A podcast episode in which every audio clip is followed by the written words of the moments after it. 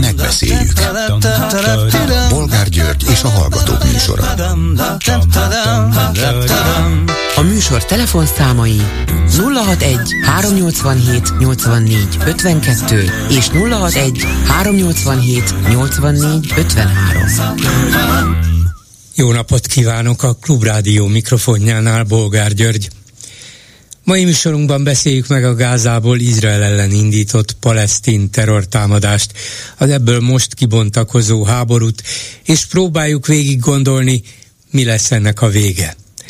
Meg azt is, hogy az Izrael mellé azonnal odaálló magyar kormányt vajon mi vezérli. Ahogy a Válasz online-on Stumpf András írja, a kiállás erkölcsös, de semmilyen erkölcsi alapja nincs. Ha Orbán az agresszor Putyinnak a lekötelezettje, akkor az agresszor pártját fogja.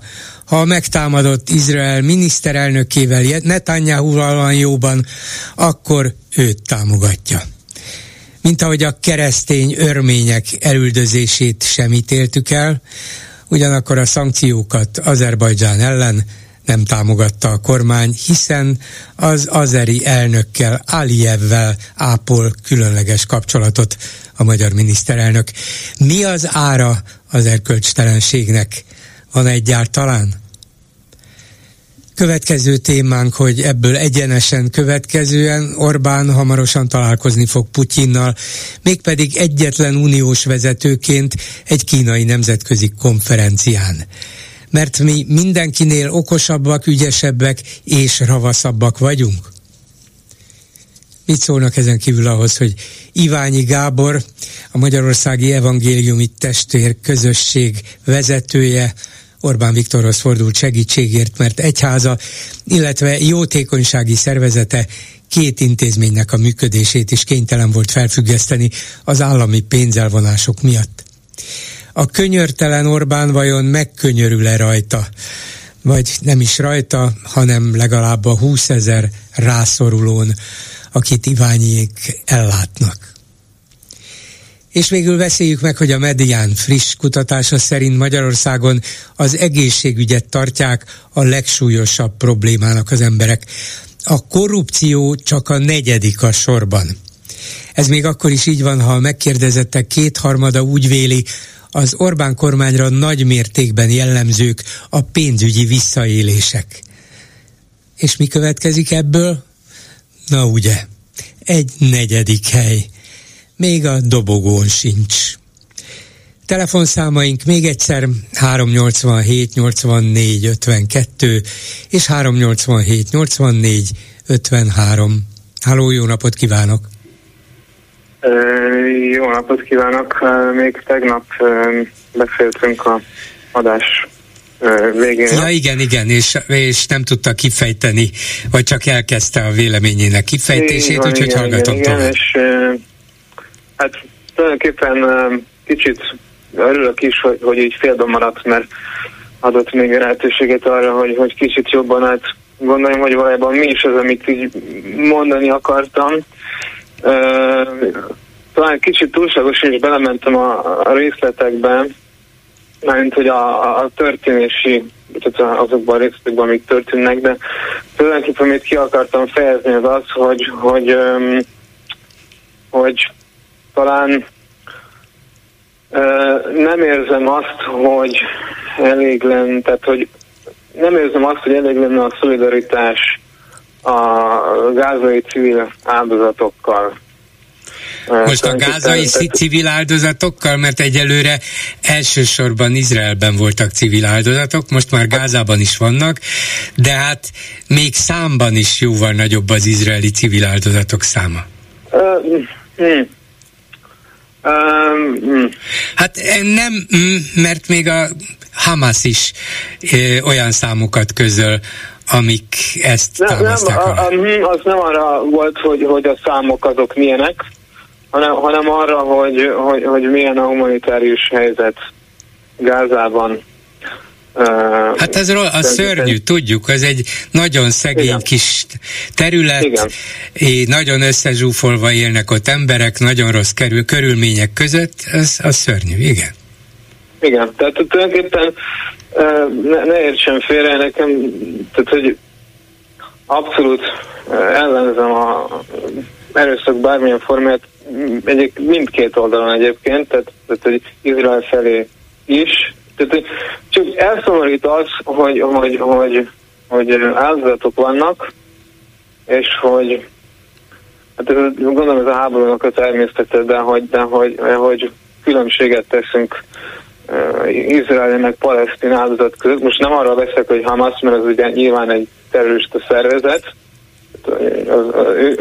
őtőlük ugye meg kell védeni, nem egyetértek abszolút, hogy Izraelnek meg kell védeni magát, de, de az elmúlt, azt hiszem pont egyébként mióta tegnap véget ért az adás, azért már vannak hangok afelé, például azt hiszem, a, nem tudom, hogy kell a nevét, de Josep Borrell a bizottságtól Jól például kifejezte, hogy kifejezte, hogy, hogy, hogy, hogy Hát már előfordul annak a kérdése, hogy, hogy itt nincsenek a háborús bűnök. Már most. Tehát ő, ő mondta ezt, ezt nem, nem én. én. Én nekem is egyébként ez a véleményem.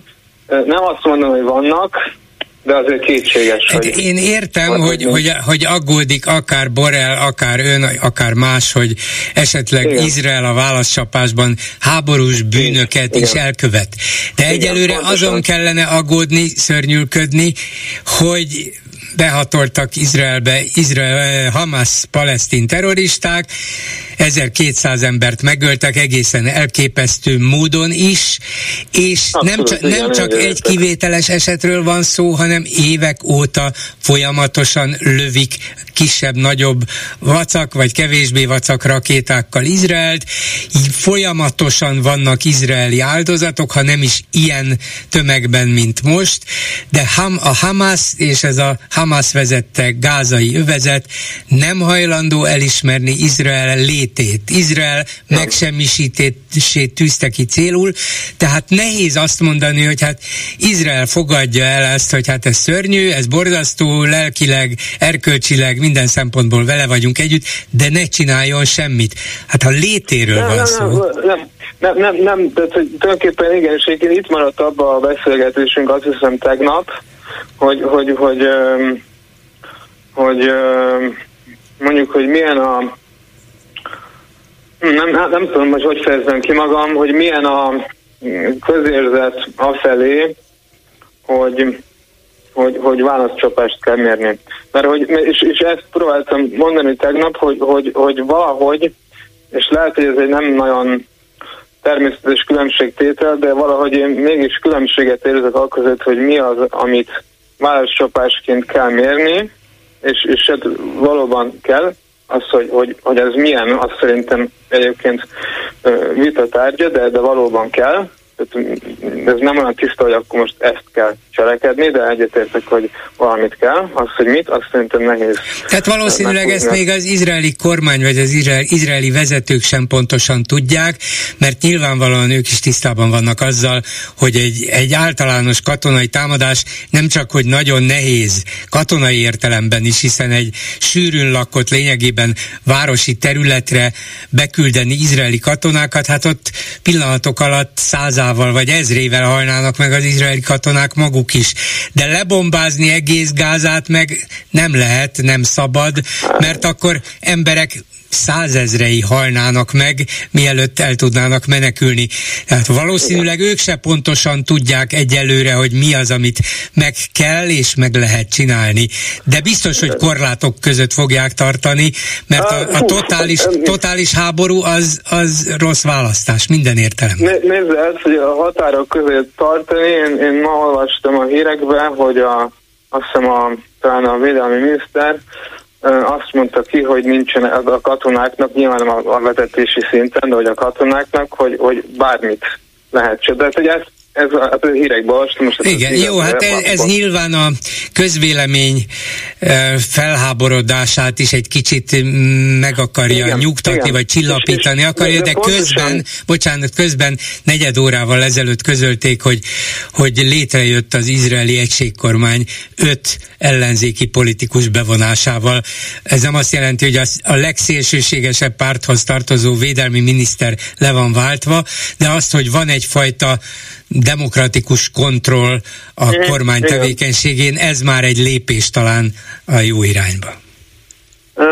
Igen, de pont ezt akartam, talán ez is az egyik lényege, amit szeretnék mondani, hogy hogy, hogy ugye van egy cselekvés, de a másik, hogy milyen szót használt, hogy felháborodás, igen. Tehát, hogy, hogy nyilván van egy felháborodás, és egy nyilván felháborító az, ami történik Izrael egyetértek, de az nem jogosítja fel senkit, hogy civileket. Tehát, hogy, és értem, hogy erre szükség van, de milyen a hozzáállás ahhoz, hogy a válasz csapásban civilek halnak meg.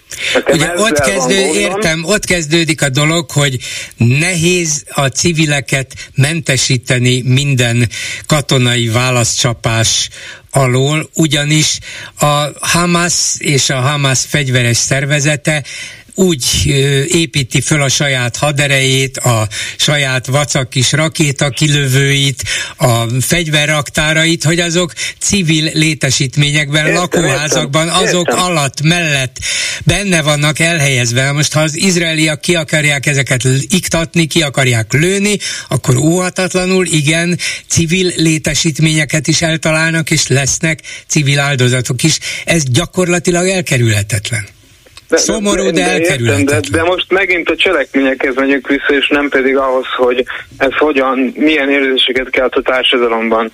Érti? Tehát, hogy, hogy most ezt ö, nekem az, most nem azt tudom mondani, hogy a cselekmények szintjén, mert értem, hogy a Hamas az így működik, és értem, hogy bizonyos lépésekre szükség van, de milyen a viszonya a, a válaszlépésekhez a társadalomnak? Hát egy, nem egyelőre az izraeli, vagy nem, igen, az izraeli hanem, társadalom hogy... egyelőre nyilván minél erőteljesebb és elrettentőbb válaszcsapást akar. Egyszerűen érzelmileg olyan állapotba, olyan sokkos állapotba kerül, hogy nyilván ezt követeli az izraeli vezetéstől. Igen. Egy vezetésnek viszont nyilván más szempontokat is figyelembe nem, kell vennie. Értem egyébként, és, és hát, igen, értem, hogy nyilván az izraeli társadalom sokban van, de amikor ezt a kérdést felteszem, akkor tulajdonképpen nem csak az izraeli társadalom felé irányul ez, hanem például felénk, akik mi, azért hát mi távolról figyeljük a helyzetet, tehát nyilván hatással van ránk, de távolról figyeljük a helyzetet. Nekünk azért meg kéne, hogy legyen egyfajta egyensúlyozott um, hozzáállás, nem, nem tudom, tehát, hogy én a BBC-t, különböző híradalakat figyelek, és a BBC az, egyik oldal, amit úgy érzem, hogy tényleg egyensúlyozottan tárolaj dolgokat, tényszerűen, de egyensúlyozottan, hogyha például a Telexet nézem, Mm, valahogy már kevésbé érzem azt, hogy egyensúlyozottan vannak találva a dolgok, és a klubrádióval egyébként én, én nagyon nagy, hát rajong, nagyon szeretem a klubrádiót, napi szinten hallgatom önöket, tehát tényleg klassz, nagyon-nagyon jó rádió, de most az, az, hogy nem tudom, hogy az elmúlt napban milyen szakértőket hívtak be, de azt észrevettem, hogy az első napokban csak Izrael szakértők jöttek a rádióba, és humanitárius szakértők, vagy olyan emberek, akik nemzetközi emberi jogi szervezeteknél dolgoznak, például nem. Tehát, hogy, hogy nekem ez egy kontraszt. Nyilván meg fogunk olyanokat is kérdezni, de egyelőre szerintem nem az a kérdés, hogy majd, hát kérdésnek kérdés, csak egyelőre még nem látjuk azokat a tényeket, hogy az izraeli válaszcsapásban ennyi és ennyi ártatlan civil halt meg, mert ez a válaszcsapás, ez lényegében csak most kezdődik, most formálódik. Úgyhogy az emberi jogi szervezetek általában felhívhatják a figyelmet arra, hogy csak óvatosan lehetőleg kerüljék el a civil áldozatokat, és így tovább. De, de ezt elvileg mindenki elmondhatja, a szakértő is, a közel-kelet szakértő is, a katonai szakértő is, senki nem akar értelmetlen öldöklést. De abban a pillanatban, hogy már nem ebből, ha ebből többet nem. látunk, akkor szerintem többféle embert is megkérdezünk. Mm-hmm. Jó? És, uh, igen. Mm, jó, Köszönöm igen, szépen, igen. hogy hívott. Viszont hallásra. Köszönöm. Viszont. És akkor valóban megkérdezünk egy szakértőt, Kaiser Ferenc biztonságpolitikai szakértőt, a Nemzeti Közszolgálati Egyetem docensét. Jó napot kívánok! Jó napot kívánok! és nekem már kezd rossz érzésem lenni attól, hogyha kénytelen vagyok biztonságpolitikai szakértőt megkérdezni. Ez így volt sajnos tavaly február óta, amikor az oroszok megtámadták Ukrajnát, és sajnos azóta is így van, hiszen az a háború nem állt le, hanem folytatódik, és akkor most itt van ez a másik szörnyűség a Hamas támadással, és aki tudja milyen következményekkel. Miután az előző hallgatónak már előre azok az aggájai nem alaptalanul, hogy na de mi lesz az izraeli válaszcsapással, nem lesz-e mm, olyan öldöklés, ahol nem számít a civil polgárok élete, mert mindenképpen elrettentő megtorlás kell, ez, ez egy jogos aggály és jogos félelem, de hát feltételezem, hogy valamit tenni kell minden értelemben, emberileg, érzelmileg, katonailag, politikailag, biztonsági szempontból. Nincs olyan érv, amelyik azt mondaná, hogy a Krisztusi szeretet jegyében, ha valaki megdob döv, kővel, dobd vissza kenyérrel, ez itt most biztos nem működik. De gondolom egy biztonságpolitikai szakértő ennél konkrétabban tud válaszolni. Izrael helyzete sosem volt egyszerű, most viszont kifejezetten bonyolult. Tehát kezdjük a legegyszerűbb részével a válasznak. Nyilvánvaló, hogy ilyen támadást, amit ráadásul ugye kihasználva a közösségi média minden lehetőségét, a Hamas terroristái még ö, nagyon jó dokumentáltak is, tehát elképesztő mennyiségű felvétel készült, ahogy ezek a, hát ahogy ők nevezik magukat, harcosok, eh, hidegvérrel civileket, nőket, gyerekeket, időseket lőnek le, néha bestiális kegyetlenséggel végeznek velük, eh, és közben látja az ember eh, például Iránban a legfőbb vallási vezetőt örömködni ezen, számos palesztin szervezet gratulált a terroristáknak, tehát ezt Izrael nem hagyhatja megtorlás nélkül, egy ideális világban sem. A most ugye a Hamas Azért nem, bocsánat, hogy, bocsánat, hogy közbeszólok. Addig bátrak, amíg, amíg ugye ártatlan emberek meggyilkolására utasítják a saját embereiket, tehát normál esetben ugye egy bűncselekmény elkövetőjét simán el lehet fogni, vagy legalábbis megpróbálják elfogni, az arra felbújtókat ugyanúgy felelősségre vonják. Itt a Hamas vezérkara ugye két milliós, több mint két milliós lakosságú gázövezet összes lakosát egyfajta védőpajsként, túszként maga elé emelve várja az izraeli válaszcsapást. Ők pontosan tudták egyébként még, amikor tervezték ezt az akciót, hogy ennek következményeként palesztinok palesztin civilek ezrei fognak meghalni, tehát ők ezzel tudatosan számoltak, hiszen az ő végső céljuk az, hogy Izrael ellen hangolják a nemzetközi közvéleményt, és éppen ez az, ami miatt Izrael nem csújthat le teljes erővel. Tehát nyilvánvaló az izraeli társadalom most sokkolva van. Ugye döbbentes felvételek járták be a nemzetközi médiát, döbbenetes beszámolót tettek azok a katonák, akik ugye kiűzték, leküzdötték azokat a terroristákat, akik a kibucokba itt ott, tehát izraeli területen bevették magukat, és gyakorlatilag az utolsó pillanatig civileket öltek elsősorban, csak másodszorban harcoltak a katonákkal szemben. Most ne, ezeknek a katonáknak kell majd bemenni a gázövezetbe. Itt ugye erős lesz a kísértés, hogy minden palesztint lelőjenek. Tehát tulajdonképpen itt a Hamas ezzel a terrorral arra, arra is igyekszik rávenni az izraeli haderőt, hogy olyan brutalitással járjon el, amit egy reguláris állami haderő nem tehetnek. ez, egy, ez egy 22-es csapdája? Mert ha igen, nem válaszolnak... ugye azt mondják, hogy ők igazügyért harcolnak, tehát nekik mindent szabad. Uh-huh.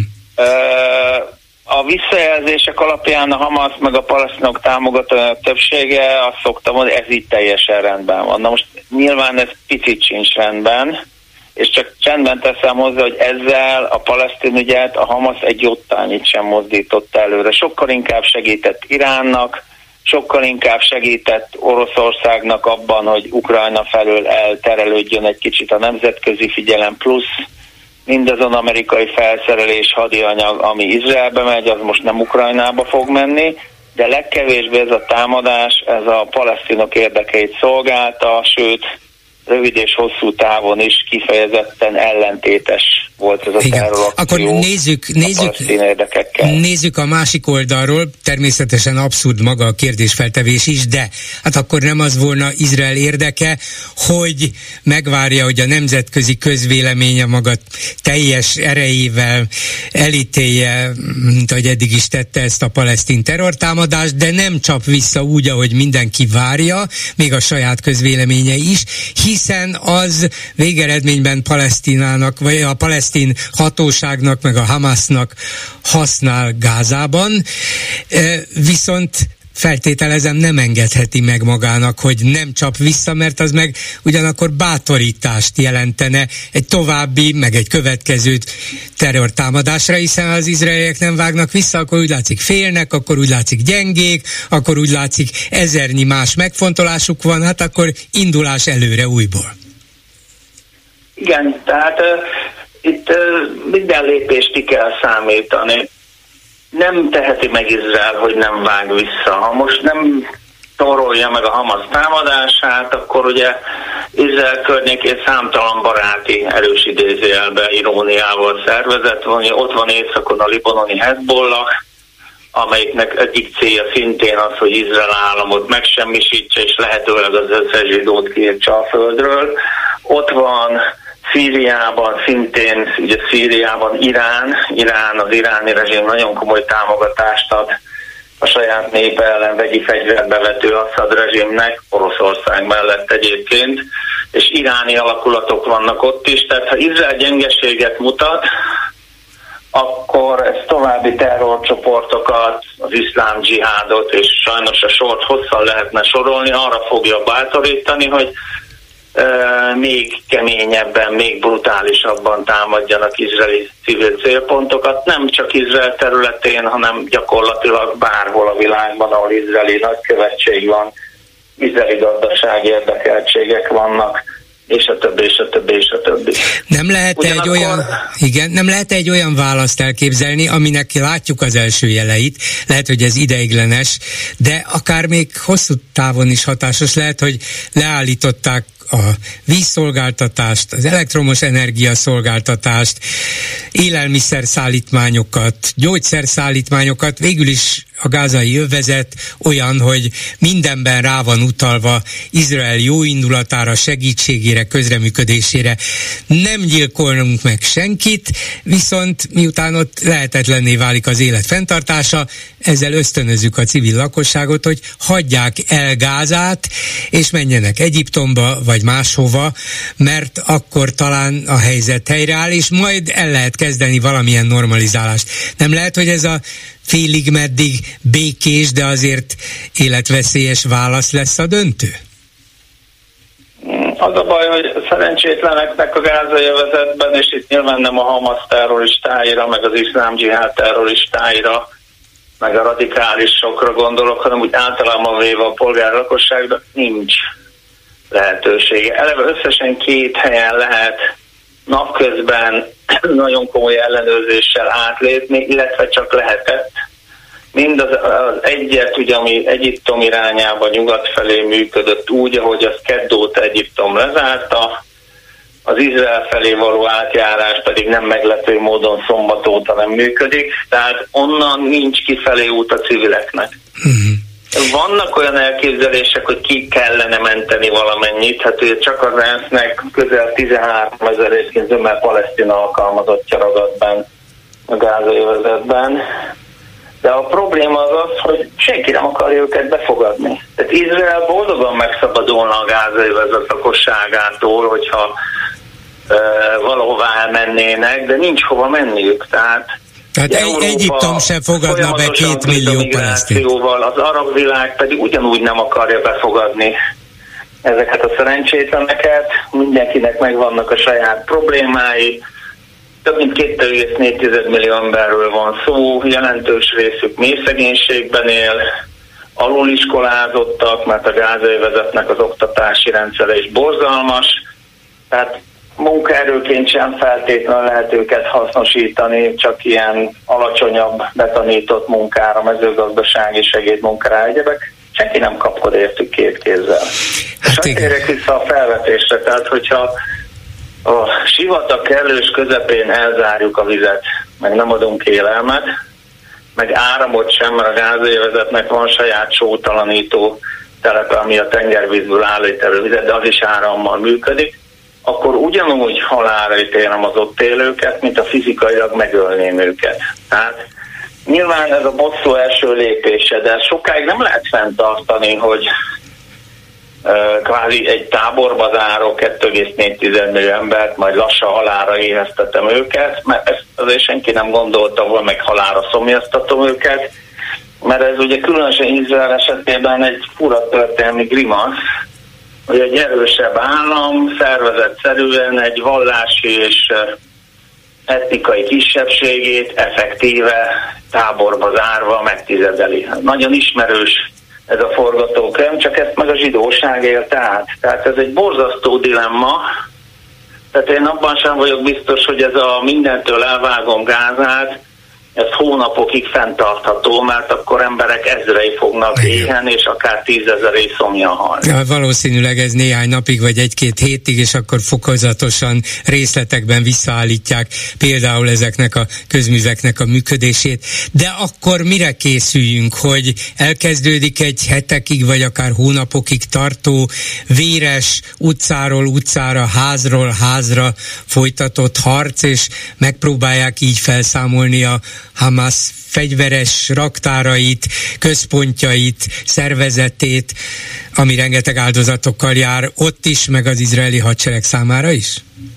Hát ez politikai döntés. Nyilván a katonák, tehát amennyire tudjuk, az izraeli vezérkar nem igazán támogatja, és akkor nagyon finoman fogalmaztam ezt az elképzelést. Tehát ők inkább azt szorgalmazzák, hogy precíziós csapásokkal, az ismert eh, célpontokra felderítéssel, különleges erők beszivárgásával, akik mondjuk kiemelik, nem feltétlenül megölik, hanem élvel fogják a Hamas egyes vezetőit, hogy ki lehessen őket vallatni, hogy hol vannak esetleg még fegyverraktárak az anyagi források elleni fellépéssel, tehát például a Katarra eh, vagy a nemzetközi közösségre való nyomásgyakorlással, ugye a Hamas maga a gázélvezet. Tehát a Hamas társadalmi szárnya, szociális szárnya, iskolákat tart fenn, a Hamas finanszírozza a közigazgatást, tehát ad abszolút minden dollár, minden cent, ami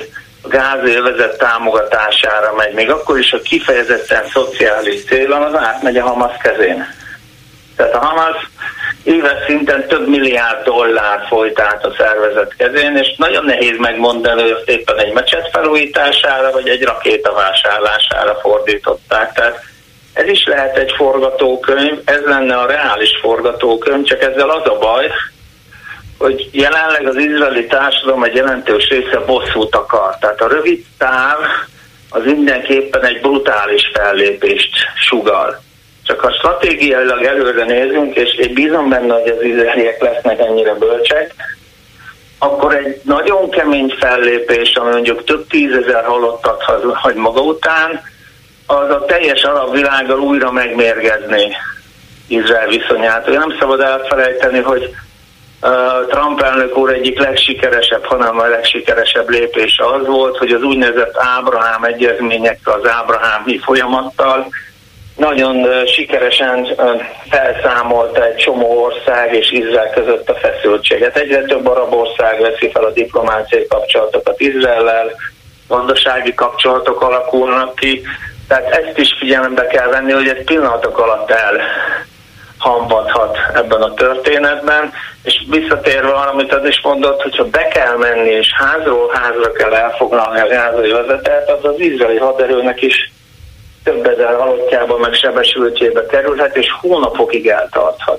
Ugye a házak alatt mindenféle alagútrendszerek vannak, tehát hiába fésültem át egy területet, nem lehetek benne száz százalékig biztos, hogy miközben haladnak előre a csapataim, a föld alatt nem szivárognak oda-vissza mindenféle terroristák.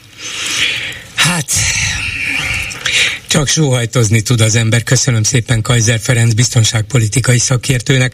Viszont hallásra! Viszont hallásra! Háló, jó napot kívánok! Jó napot kívánok, Bolgár úr, Pámer Perec vagyok, izraeli magyar állampolgár. Parancsoljon. Olyan pillanatban Magyarországon élek, és nagyon szomorúak vagyunk a eseményekre. Az unokókon még mindig kint van. Az, elő, az egyel előrébb levő úli embernek a hozzászólását egyszerűen nem tudom megérteni. Nagyon sok ember van Magyarországon, nagyon sok magyar ember van Magyarországon, akinek fogalmuk nincsen, hogy mi az, hogy Izrael, és mi az, hogy arabok. Persze. 40 gyereket lefejeztek. Kfar, kfar Ázá, Kfar Ázá, de a határ mellett levő kis falu. 40 gyereket lefejeztek. Kis pici lányokat erőszakoltak meg. Terhes nő, aki akkor szült éppen, agyonlőtték, a gyereken rajta volt még a, a, a köldögzsinor. Ne, nem tudják elképzelni ezek az emberek, hogy mit csinálnak ott az arabok ezek nem, ezek nem emberek, akik oda bementek. 260 ember így halomla ültek, mint a, mint a ligetbe, cél, mint ilyen céllövöldébe, amikor volt az a, a, a ö, zenei az is ott volt a határ mellett, egy ilyen fesztivál, zenei fesztivál, 260 darab ember töltek le. Mint az állatokat. Ugyanaz, ez ugyanaz történt meg, ami Ukrajnába, Bucsába. Ugyanaz történt meg egy az egybe. Ez pogrom volt. Pogrom. És az, hogy a, a palesztinoknak kell egy állam, igen, neki kell egy állam, de szerintük Izrael és, és a zsidók nélkül kell egy állam. Úgyhogy takarodjon el onnan mindenki, meg az egész világról. De éppen ezért kérdés, hogy Persze ezt tudjuk, és tudják nagyon sokan Magyarországon is azért, tisztában vannak vele, és ezért az indulatokat, a felháborodást, a dühöt, a kétségbeesést is megértik, csak ettől még a válasz, az izraeli válasz még mindig nem magától értetődő. Mit kell, vagy mit lehet csinálni? Úgy, ahogy mondta az a szakértő, aki az előbb volt, teljes mértékben igaza van. Az izraeliek jelen pillanatban Gázába hát bombázák, és kopogtató bombákat dobnak le, ami azt jelenti, hogy olyan, mint egy patron, ami kopogtat a háztetőn, figyelmezteti az ott lakókat, hogy azonnal menjenek. Régen ezt úgy csinálták, hogy kötszédulákat dobtak, meg fölhívták őket telefonon, hogy hagyják el, mert 10 percen belül bombatámadás éri az épületet. Most azt csinálják, hogy ilyen kopogtató bombákat dobnak le, és ez figyelmezteti a a polgári lakosságot, hogy el kell tűnni. Mert ott abban az épületben hiába laknak ott civilek, úgy, ahogy mondta, vagy fegyverraktárban, vagy valami bázis, vagy a, a Hamasnak minden irodája van, meg amit el lehet képzelni minden kor. A, a Hamas vezetősége Gázába, a, a Gáza városba, Citybe, a központi kórháznak a lenne pincéjében van a Hamasnak a főhadiszállása. Nem lehet lebombázni egy kórházat. Igen, így van, igen. Hát kifejezetten és így építették föl az egész hadi hát szervezetüket. Igen. Hát olyan, mint a nácik, hogy tolták maguk előtt a munkaszolgálatosokat. Ugyanezt csinálják ők is. Gyerekeket küldeni, köveket dobálni, és, és hátulról a gyerekek mögül lövöldöznek. Mocskos egy szemétnép, ezek nem emberek, ezek nem emberek, nem érdemlik meg, hogy éljenek. Um, igen, de ha, de ha ez lesz a válasz, vagy ez a következtetés, és ez a válasz, hogy nem emberek, nem, de egyébként az állatokat is védi a mai civilizált világ, még igen, a vadállatokat is, és egyébként helyesen teszi a civilizált világ is, de ha ez volna a következtetés mégis, akkor mi történne, hogyha Izrael meggyilkolnak két, több mint két millió embert. Hát mi történne? Hát ezt Izrael nem, egy nem, nem, ekkora szörnyűséget nem követhet el. Szó sincs erről, hogy meggyilkolnak két és fél millió embert. Nem létezik. Szó nincs róla. Csak a Hamaszt akarják kiírtani. Ezért nem is megy be Izrael. A, fő, a gyalogság nem vonul be. Mert uh-huh. az nekünk is rossz volna, meg nekik is. És úgy, ahogy mondta a szakértő úr, ez súlyos emberáldozatokkal járna mindkét oldalról. Tehát marad a légicsapás. A másik meg az, hogy hallottam egy, egy valamelyik adásban, mert reggel óta nézem állandóan az izraeli tévét, hogy közölt a Hamasnak az egyik atya úristene, hogy most Izrael, és azt elintézik, és utána a világ, világ összes a világon az összes Igen, hát zsidót, ilyen szörnyűségeket mondanak. És hogyha a zsidók nem lesznek már, ugye kiirtottuk őket, úgy jönnek a keresztények. Úgyhogy ne tegyék össze a keresztények a kezüket, mert ők jönnek sorban, mert azt akarják, hogy csak a muzulmánok legyenek. Igen, hát iszlám. vannak ilyen szörnyű, elborult, agresszív, Igen. Eh, embertelen emberek sajnos, és, és hát nyilván ezzel valamilyen támogatást is tudnak maguk mögött szerezni. Hát, Irán támogatja igen, őket. Igen, igen, és igen. Hallom, most Törökország megint ö, megszólalt, Libanon, az összes arab állam mellettük áll. Hát arab Jeruzsál, vagy muzulmán, igen. Jeruzsálemben tűzijáték volt tegnap előtt például. Tűzijáték volt. Igen. Az arabok. Úgyhogy borzasztó csapdahelyzetbe került ezzel Izrael, hogy vissza Igen. kell vágnia, de hogyan, mi az, amivel nem veszti el a világ szimpátiáját, támogatását, és mi az, amivel el tudja riasztani hasonló szörnyűségektől a Hamaszt és a palesztinokat. Azokat, azokat az emberek, azoknak az embereknek hogy mondjam meg, hogy, hogy, hogy miért van blokkád alatt Gáza, akiknek, akik követelik azt, hogy nyírják ki az összes arabot, ami létezik, akinek a gyerekét, a feleségét, az anyját agyon lőtték, vagy levágták a fejét, meg megölték, azoknak hogy lehet elmagyarázni?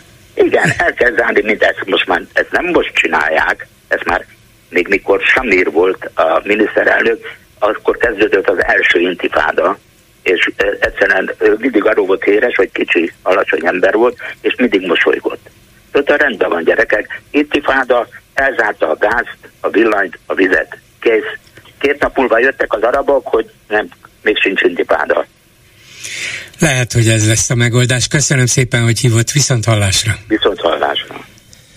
A telefonnál pedig Balavány György újságíró. Jó napot kívánok! Jó napot kívánok, üdvözlöm a hallgatókat! Aki néhány napja a 24 portálon írt egy nagyon érdekes riportot ásott halomról, a szerb határkerítésről, az országba beáramló migránsokról, vagy menekültekről, szóval azokról, akik áttörik a kerítést, és mennének tovább nyugatra, de sokat közülük megtalálnak, visszadobnak Szerbiába. Szóval mi volt a személyes benyomása, tapasztalata, mert sok mindent hallunk róla, sok propagandát is, de a cikkből azért kiderül, meg az interjúból, amit készített, hogy, hogy azért saját szemmel nézve a dolgok kicsit másképp látszanak kicsit másképpen látszanak valóban, és bizonyos szempontból egyszerűbbeknek tűnnek, más, más szempontból meg bonyolultabbaknak. Éppen azért mentünk el, mert ugye a helyi polgármester azt tette közhíré, hogy gyakorlatilag a déli határvédelem összeomlott, és azt akartuk látni, hogy ez most egy ilyen bigfangos, eh, hogy is mondjam, hírsor, amit jól lehet használni vagy egy politikailag instrumentalizálható eh, mondás. Azért ugye ennek azért a háttérben az is, az is ott van, hogy eh, hogy ezért a mi hazánknak, mi hazánk mozgalomnak, mint tudjuk, azért egy elég erőteljes, talán még az Orbánéknál is radikálisabb antimigrációs vagy migráns ellenes menekült ellenes retorikája van. Tehát, és ugye azért abban a térségben, hogy ásatlanról beszélünk, ezt Torockai Lászlónak a, a, a, a mi hazánk elnökének a, hát hogy úgy mondjam, felség, felség területe. Minden esetre holgetőek akarunk lenni, több mint tíz éven keresztül ugye ő volt a polgármester. És tehát, hogy, hogy, hogy arra mondom, hogy lehet ez egy politikai lózunk is, miközben azért arról eléggé objektív hírek jelennek meg már egy jó ideje, hogy vannak a, a határkerítésnek a magyar oldalán, de még inkább a szerbiai oldalán. Egyébként nagyon komoly, hát bandák közti össze, bandák közötti összetűzések, illetve egyfajta olyan agresszivitás, mint amikor például a kivágott kerítést akarták helyrehozatni erről, ha jól emlékszem, augusztusban volt hír, a, a BVOP, tehát a büntetés végrehajtás, tehát gyakorlatilag, gyakorlatilag rabokkal, azt hiszem, hogy Szegedről odavitt rabokkal akar, akarták ezt megcsináltatni, és közben baltákkal és kövekkel támadták őket a, a szerbiai oldalról. Hogy migránsok vagy menekültek agresszívek-e, ez így egy, egy, egy kicsit összetett kérdés, és ezt, ezt, ezt már egy a saját személyes tapasztalat sem támasztotta egyértelműen alá. Tehát, hogy én menekülő csoportok, vagy mi, mi a kollégámmal menekülő csoportokat konkrétan, akik a motyójukkal, a hónuk alatt próbálnak átjutni ezen a határzónán, nem láttunk. Nagyon valószínűleg tartom azt, hogy akikkel mi személyesen is találkoztunk, illetve akik gyakorlatilag ellenünk is támadást indítottak kövekkel, húsángokkal, dobáltak, illetve a rendőröket és a mezőröket is megtámadták. Ők ö, minden jel szerint azoknak a gangster bandáknak a részei, akik a, akik a menekülőket, vagy más néven migránsokat szervezik kísérik. és átjuttatják, az ugye? Igen, szervezik, igen. őket kísérik, ők azok, akik, akik átvágják a kerítést, ők azok, akik tudják, hogy melyik az az időpont, amikor át lehet lógni a kerítésen, akik megválasztják az időpontot, akik aztán autókba rakják őket, és tehát, hogy ezek a gangster bandák dominálnak. Igen, és ők nem akarják ott látni a rendőrt, a határvadászt, az újságírót, aki ott kószál, azt inkább kövekkel megdobálják, hogy menjen onnét. Így van. Mhm. Ugyanakkor, ugyanakkor azért a helybeli tanyákról, ö, ö, lakóiról, és azért 200 méter vagy 150-200 méterre a határkerítést is élnek tanyákon kisgyerekes családok. Szóval, hogy, hogy eléggé vegyes vegyes benyomásokat tapasztaltunk, vagy vegyes benyomásokról számoltak be. Többnyire azért a maguk, magukkal a menekülő emberekkel, vagy a, a zónán átjutni igyekvő emberekkel kapcsolatban még jelen van a lakosság körében egyfajta egyfajta szállalom, szolidaritás. Nyilvánvalóan a félelem is nagyon erős. És én azt gondolom, hogy mindenféle előítélet nélkül ez tökéletesen érthető. Hát hogy ne? Hát vég, az... Végül is átjönnek illegálisan, átvágják a kerítést, uh-huh. tudjuk e- általában, hogy mit akarnak tovább menni, de azt nem tudjuk, hogy kifélék, mifélék, hogy fognak reagálni, esetleg ők is félelmükben nem lesznek agresszívak, szóval itt mindenki tart a másiktól nem csak félelmükben egyébként, hanem irgalmatlan frusztráció mennyisége halmozódik fel. Tehát nekünk azt mondta egy rendőr nem hivatalosan, hogy van egy csúcstartó ott a környéken, akit 61-szer szóltak vissza. Egy, egy olyan menekült. Tehát, tehát gyakorlatilag az történik, hogyha ha én menekülként átjutok a határon, bent, ahogy mondják a határok, a mélységben, tehát a határ zóna, zónát elhagyva engem föltartóztatnak, mondjuk a csempész kocsiban sokat magammal, akkor azonnal teketória nélkül visszaszállítanak a határ szerbiai oldalára, ott mivel nem tudnak velem mit csinálni, irataim sincsenek, semmi nincs, fognak és, és elengednek, és akkor mm, keresek egy másik egy, egy másik csoportot, ahol be tudok, be tudok menni. Na most azért ezek az emberek több száz kilométert jöttek, esetleg átkeltek a földközi tengeren, esetleg szóval, hogy, hogy e, szóval gondoljuk el, hogy hogy amikor 40 fokos melegben bujkálnak a, a, a, a nyáron, és, és szóval teljesen ki vannak egy teljesen kiszakazott helyzetben,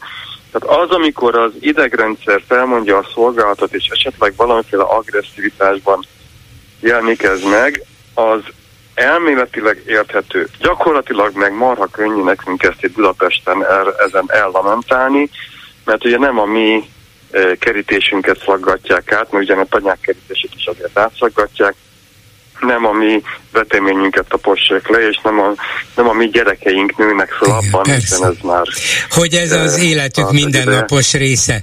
De Így mi... van az éjszakai razziák, a sziréna, a drónok, a lövö, lövöldözés egyébként, tehát azért arról se feledkezzünk meg, hogy... Ez általában a határ másik oldaláról, ugye? Ott többnyire a határ másik oldalán, de előfordult már, előfordult már azon a környék az 55-ös úton, nem egy alkalommal, illetve szétlőtt autókat találtak.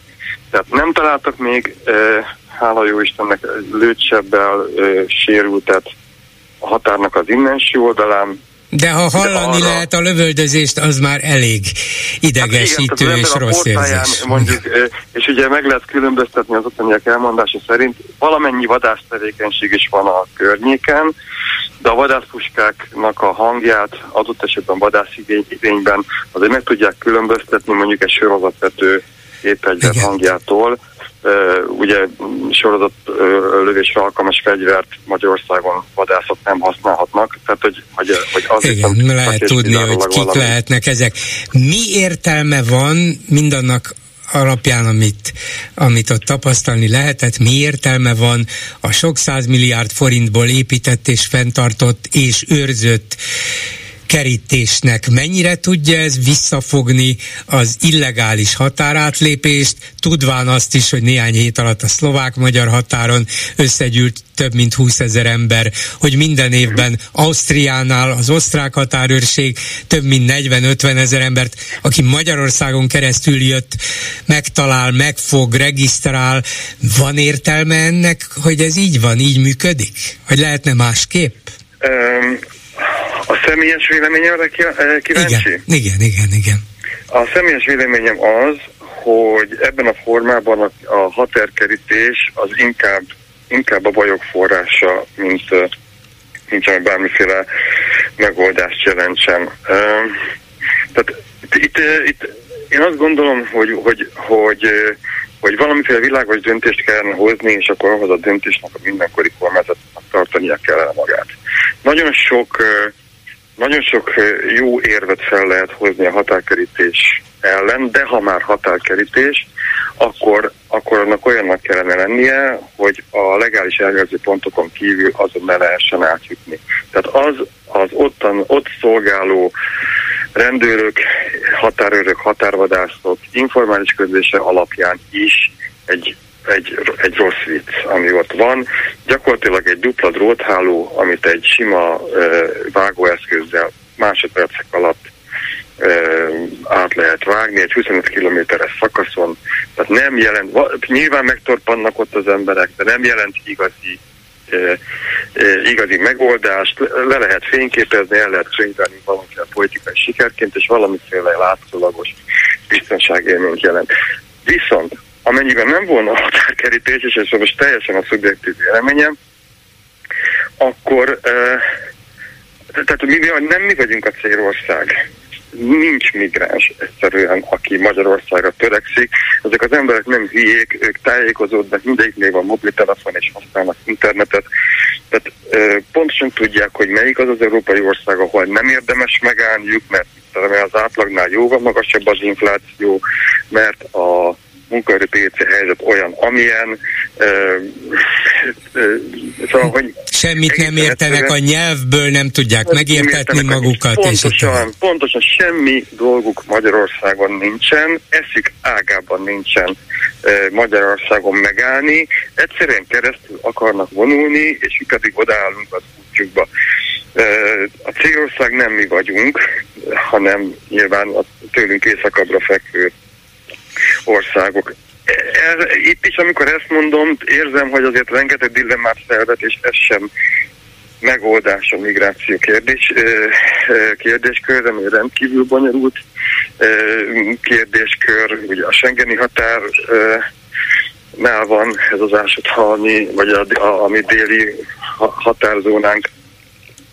De én úgy gondolom, hogy ami jelenleg van, a mostani áldatlan helyzet, az tényleg nem megoldás semmire, és csak ront a helyzeten, mint sem, hogy nincsen, hogy javítana. Segítene. Köszönöm szépen Balavány Györgynek, minden jót kívánok. Viszontalásra. Köszönöm szépen, további szép napot, viszontalásra. friss pénzügyi helyzetjelentés 132 millió 507 ezer forintnál tartunk. Köszönjük szépen, csak így tovább, és akkor szólni fogunk. És egybe telefonáló a vonalban. Jó napot kívánok! Jó napot kívánok! Üdvözlöm! Hallgatom. Alfa, uh, Alfarmán Hussein vagyok. Iráki, állam, iráki magyar állampolgár. Uh, itt végeztem az eltén. Ezeket ezek mondom előjáróban, mert uh, ha valaki demokrata, uh, ateista vagyok, materiális ateista. Hiszek abba, hogy a vallás az isteni, a háza mindenkié. Ez mindenkire vonatkozik. Tisztelem a zsidókat, a keresztényeket, a muszlimokat, én magam nem vagyok vallásos ember. Pedig muszlimnek születtem. De nagyon sajnálom, ami történik közel-keleten. Hosszú probléma. Én jártam már ott Libanánban, Szíriában. Amúgy, mert én harcoltam Saddam ellen valamikor, és keményen harcoltunk. Így harcoltam, hogy partizánként Észak-Irakba, Bésmargátként harcoltunk, 80-81-ben. Szóval, ha valaki azt mondja rólam milyen. E, Uh-huh. Ennyit akartam jó, mondani, nagyon, nagyon jó, hogy elhelyezi magát ebben, hogy itt él, magyarul beszél, de mégis tudjuk, hogy honnan jött és mit csinált. Igen, és ha lányaim, itt két lányom van, ha holnap zsidóhoz akar menni feleségül, az ö, ö, személyes választása, és tiszteletbe tartom, és nem ellenzem, higgyel nekem. Elhiszem. És, mert, mert itt élünk, és mi, hogy az magánúgy a vallás. E, amit akartam mondani, nagyon sajnálom, e, ami folyik. Csak tetszik tudni, a 70 éve az ENSZ határozata 47-ben két állam. Akkoriban a palasztin, Izrael és a palasztin. A palasztinek elutasították, hogy milyen jogon osztják a mi földünk. De közelebb jövünk 32 éve a uh, medridi uh, konferencia, és hár, uh, 20 éve, vagy 30 éve oszlói megállapodás. Izraelban az egyetlen, aki békét valóban akart, Ishak Rabin, és szegény meggyilkolták meggyilkoltak, Na, igen, és Simon Péréz is akartak, és komolyan akartak, és indult a folyamat. Csak szerencsétlenül jöttek az események. Rabin 8 évig, utána Netanyahu a diktátor, aki 16 éve van a hatalmon. Netanyahu nem akar béke, és a béke folyamat megfenekelt és politikája miatt... Annyira, annyira jól beszél magyarul, hogy ezt most kiavítom, azt mondja megfenekelt, nem megfenek lett. Megfen, a megfenekelt, azt kicsit, kicsit másképp kicsit, értelmeznénk, de mondom, annyira jól beszél magyarul, hogy gondoltam Köszönöm. érdemes kiavítani. Csak, csak őszinte, három napja akarok telefonálni, és nem volt bátorságom. Utána rászántam magamat, mert tudom, hogy ez egy érzékeny téma. És mondtam, nem, el kell mondani valaki máskon. És Netanyahu nem akar, mert ő attól fél, hogy bíróság elé állítják, és ezért szélsőséges vallásos pártok kabinetjében vele vannak. És ezek miatt közben nem akar béka folyamatot, és ennyire kiürítette a balasztin hatósága, miért sikerült szárni? Szerebiból már, már önkormányzat sem mondjuk róla. És így kit bátorított, kit erősített meg, a szélsőségesek. Én nem, én higgyel nekem, mert iráki vagyok, és láttam az ISIS, ami Amerikát csinálta, hogy miket, mi történt Irakba. Ez vallásos erők. Csak a palasztinok ennyire már, úgy ez nincs már veszíteni valónk nincs már veszíteni valónk. Ez nem megoldás gyilkolni. Hát persze, hogy nem. Igen, mindenki. igen. Értem az állá, vagy érteni vélem az álláspontját, és van is benne igazság, hiszen egyrészt nem minden izraeli egyforma, nem minden igen. izraeli politikus egyforma, és az egyiknek a politikája például az ön által említett Rabin, vagy Simon Perez politikája hozzám is közelebb állt, és annak idején nagy reményeket fűztem ahhoz, hogy hát ha el lehet kezdeni ezt a Igen keserves, de mégiscsak a bék, tartós béke megteremtésére irányuló és, és talán célhoz érő folyamatot nem sikerült.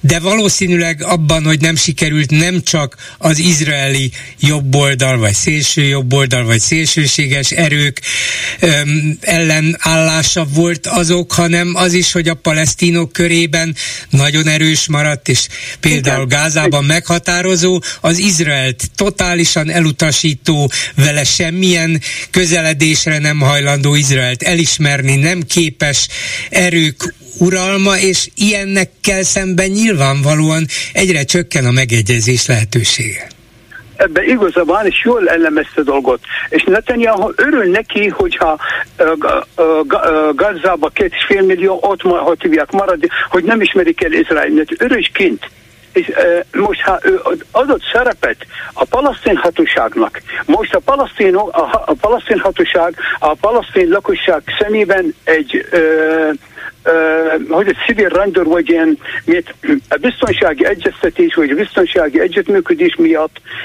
szemükbe árulok, hogy ők ilyen titkos szolgálat a Netanyahu-nak, így nevezik őket. És így kinek erősítette az iszlám erőt, Hamas vagy más. És meg egy dolgot akartam, amit tetszett mondani, amikor Kajszar Ferenc tetszett nekem az ellenzése. Mérsékelt és valós tekintem. És az ön, amit mondta, két és fél millió, valóban Netanyahu nagyon szeretne, hogyha ezek mennek Egyiptomba, Béreszebe, az egyetlen átjáró mennek, de már három napja az egyiptomi hadsereg ott áll, és nem enged senki, mert ők tudják, mi, mi várható. És ne, én tudják, itt sajnálok, és tiszteletem azoknak, és üdvözlöm innen. Sok százezer zsidó izraeli zsidó, akik hónapok óta harcolnak a demokráciáért, a, a, amit nevezett reform zárójelben, hogy amit Netanyahu akar, ellene harcolnak. Ezek a demokraták, mert én, mint muszlim vagy arab származású, nagyon sok zsidó, akárha, akárha Soros György, tudja, sokan nem tudják maga Soros György, nagyon sok palasztin szervezet támogat. Civil szervezet, pedig ezek nem zsidók, É, persze, persze, persze, persze, ilyen is van. Igaz, hogy ezt is a szemére. Áll a palasztinok mellett. Ezek kínos helyzetben vannak, és nehéz helyzetben vannak most. Hát igen, mindenki, és a helyzet nem csak nehéz, hanem tragikus is. Nem tudom, hogy lesz ebből valamiféle, hát valamiféle könnyebbség, vagy valamiféle békésebb megoldás. Előtte biztos, hogy sok fér fog folyni, és, és nagyon nagyon, nehéz innét kívülről nézni, és hát még ott a közelből vagy belülről elviselni. Én azt remélem, hogy valahogy a demokratikus erők Izraelben felül kerekednek. Vagy most bukik, megbukik, hogy hívják. Netanyahu. Netanyahu. Mert utána lesz számolni való, hogy hogy mi történt, mi van, hogy van a világ egyik legerősebb hadserege, a legjobb titkos... Igen, csak nehogy az legyen belőle, hogy ebből a palesztin szélsőségesek merítenek erőt, hogy na látjátok, érdemes volt, mert akkor megbuktattuk a, a szélsőséges izraeli miniszterelnököt, akkor rajta gyerünk újabb támadás, és Izrael is szét fog esni. Nem csak a vezetése bukik meg. Igen. Szóval ennek Tudja, is megvan ez a veszélye. Igen. Most akik például Egyiptom Egyiptom, Jordánia, én járok Jordániába sokat, üzleti út miatt. Jordánia, vagy akik mérsékelt Szaudá, akik akartak közelebb igen. Ezek most nagyon nehéz helyzetben. És há, két lépés hátra fognak állni. Hát igen, Mert ők igen. mind, mindegyik az volt feltétele, akár Mohammed Ben Salman, szaud-arabiai uh, herceg, vagy uh, miniszterelnök most, hogy a palasztinket oldjuk meg, oldjuk meg, csak De... most ebben a helyzetben nem lehet nyilván. Igen, igen, igen. Köszönöm szépen, hogy bátor volt és jelentkezett. Köszönöm, köszönöm a lehetőséget, sok sikert és sok türelmet. A telefonnál pedig Deák Dániel, a 21. század intézet vezető elemzője, a Megafon tagja. Jó napot kívánok! Jó napot kívánok, köszöntöm a hallgatókat is. A Facebook oldalán azt írta, hogy az izraeli háború lehet az utolsó döfés Ukrajna számára, ugyanis a már így is széteső nyugati egységfront most csökkenő média figyelemmel társul. hát vannak ilyen vélemények, ezzel nincs egyedül. Azt nem éreztem, vagy vettem ki pontosan a megjegyzéséből, hogy ezzel most uh, Ukrajnát mm, nem csak temeti, hanem, hanem gyakorlatilag azt is üzeni nekik, hogy hát hagyják, hagyjanak fel az ellenállással, adják meg magukat, mert úgyis minden mindegy, vagy pedig sajnálkozik az ukránok sorsán, és, és szeretné, hogyha mégiscsak erőre kapnának, és több nyugati támogatást kapnának. Hát én, hogy itt az előző beszélgetésben is elhangzott, békét szeretnék, hát a közel is és Ukrajnában is, és hát ez egy tényleíró helyzetértékelés volt, hiszen hogyha megnézzük az elmúlt időszak eseményeit, hát ugye Lengyelország az egyik legnagyobb szövetségese volt Ukrajnának, beszüntette a fegyverszállítást, amikor Zelenszky elnök Amerikából utazott haza Ukrajnába és megállt Lengyelországba, akkor lengyel állami vezetők nem találkoztak vele, amire korábban egyáltalán nem volt példa. Ugye ott van a gabonatilalom kapcsán a közös per, tehát ugye Ukrajna beperelte a közép-európai országokat, köztük Lengyelországot és egyébként Magyarországot is, tehát látszik, hogy az egyik legfontosabb szövetségesével is jelentős vetében megromlott a viszonya. Amerikában látjuk, hogy felfüggesztették ugye, a finanszírozását Ukrajnának, tehát ugye a republikánusok ellenállásának köszönhetően most már azok a források, amelyeket beígért Joe Biden elnök nem érkezik meg Ukrajnába, érződik a felméréseken is, akár Amerikára is gondoltunk a CNN kutatására, hogy a közvélemény is jelentősen átalakult, tehát most már az amerikai közvéleményben is többségben vannak azok, akik azt mondják, hogy nem kell tovább finanszírozni ezt a háborút. Tehát egy átalakuló helyzet van, nagyjából az a helyzet kezd kialakulni, amit már Orbán Viktor több mint egy éve szorgalmaz a háború kapcsán, sőt a háború kitörése óta ezt mondja, hogy Ukrajnának természetesen joga van az önvédelemre, ezt mindenki el is ismeri, ez meg is történik, de minél előbb tűzszerző mhm. béketárgyalásra. De ezek szerint Orbán Viktor azt szorgalmazta, hogy hagyjuk cserben Ukrajnát. Hát ha magunktól nem hagyjuk, de itt van közben ez az izraeli eh, palesztin kibontakozó háború, hát akkor így jártak az ukránok, majd béke lesz, hogyha ők föladják. Nem, tehát ugye itt arról van szó, hogy Európa jelentős válságba került ugye az ukrán-orosz háború miatt, látjuk azt, hogy Európa eh, recessziós helyzetben van, most hiába van 0,valahány 10%-os eh, növekedés eh, uniós szinten, ez gyakorlatilag egy stagnálás, a visszaesés. Németországban is látjuk a adatokat, Európában elfogytak a fegyverek, tehát Nagy-Britanniának a vezetése nyíltan kimondta, hogy kisöpörték már a raktárakat, nem tudnak több fegyvert adni. Egyesült Államokban hasonló a helyzet, és egyébként a máshol megjelenő konfliktusok is közrejátszanak, hát azért tudnak kitörni ilyen típusú konfliktusok, mert egyszerűen Amerikának a figyelme is teljes mértékben Ukrajnára összpontosul, most a közel most fordulnia megint, és emiatt úgy tűnik, hogy Ukrajnában sokkal kevesebb forrást tudnak majd szállni. Tehát ez a politikai realitás, azt látjuk, hogy egyszerűen elfogyott a nyugatnak az ereje ahhoz, hogy ezt a háborút tovább finanszírozza, tovább támogassa a fegyverekkel, ezért uh, is látjuk azt, hogy ugye az Zelenszky ukrán elnök most mindenhol kalapozik, és próbál, ugye most a NATO csúcsra is uh, elment, annak érdekében, hogy a támogatás tovább folytatódjon. Mivel megváltozott a közvélemény uh, nyugaton, elfogyott a fegyver, elfogyott a pénz is, uh, ebből fakadóan uh, ez az a politikai realitás, hogy itt uh, most már belátható időn belül Ukrajnának kell kerülni a tárgyalóasztalhoz. Aha.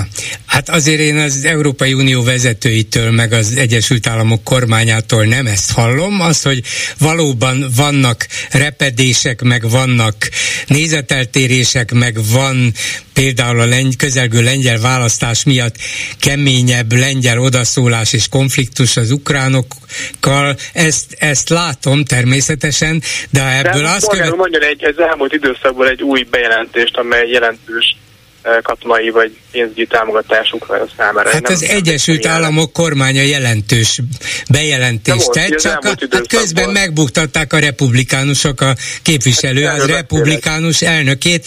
Nyolc, nyolc, azaz nyolc legszélsőségesebb honatja fellázadt, de ez még nem az Egyesült Államok és nem az Egyesült Államok politikája, de ha így történne, akkor az volna jó, hogy hát végre Orbán Viktor igazát mindenki belát, látja, Ukrajna adja föl területének 20%-át, hát az oroszok győztek, Istenem, hát lássuk be, ez a realitás. Hát, Bolgár úr, ezt lehet mondani, hogy folytassák ezt a háborút, ameddig uh, ameddig uh, gyakorlatilag az utolsó ukrán katona meg nem halt. Hát ameddig ők képesek rá, és ők hajlandók, hát, hát tőlük függ. Ezt senki nem akadályozza meg, de hát azt nem is mondja senki, hogy, uh, hogy ez, ezt uh, lefolytassák. Tehát uh, egyetlen egy kormányzati pozícióban lévő vezetőtől sem hallottam azt, hogy Ukrajnától kértem volna bárki is, hogy fejezzék be a harcokat. Folytassák, mindenkinek joga van az önvédelemhez, látjuk most Izrael is, hogy ugye támadás érte, rögtön felsorakoztatta a hadseregét, látjuk, hogy a gázai őrzetben most éppen milyen válaszcsapások vannak, tehát ez egyetlen egy országtól sem lehet elvitatni, az önvédelemhez való jogát, azt életbe léptesse és éljen De gondolom Orbán Viktor nem mondja azt az Egyesült Államoknak, hogy nehogy már Izraelt támogast hadi anyaggal, fegyverekkel, mert hát csúnya dolog a háború, inkább ösztönözd őket a békére. Ezt mondja Orbán? Hát ugye tudjuk, hogy uh, Izraelnek a katonai potenciálnak köszönhetővé az Egyesült Államok ezt uh, kiépítette és támogatta az elmúlt évtizedek során, tehát ezt uh, nagyon egyértelműen ezzel tisztában vagyunk, tehát nem látom az összefüggést. Hát persze, az Egyesült Államok végig ott állt Izrael mellett lényegében megalakulása óta, és mindannyiszor, Igen, amikor az támadás... Az Államoknak a, a közel-keleten fontos bázis a támaszpontja Izrael, ott rengeteg amerikai katona is állomásozik egyébként, amerikai fegyverek vannak ott, tehát annak érdekében van ott az Egyesült Államok, hogy a közel-keleten az érdekeit ilyen hát, módon Tehát akkor a, ön szerint a magyar kormány továbbra is támogassa azt, hogy az Egyesült Államok maradjon ott, segítse, támogassa Izraelt a fennmaradása érdekében, meg az erőegyensúly fenntartása érdekében. Hát, Izrael a második uh, világháború uh, óta, amit a létrejött gyakorlatilag ennek a, a szövetségesi rendszernek a fontos bástája, tehát Amerikának egy fontos támaszpontja a közel-keleten, tehát itt a status quo-ban változás az elmúlt időszakban tudtommal nem következett. De, de nem is akarjuk, változás. ezek szerint a magyar kormány akarjuk, sem, de ugye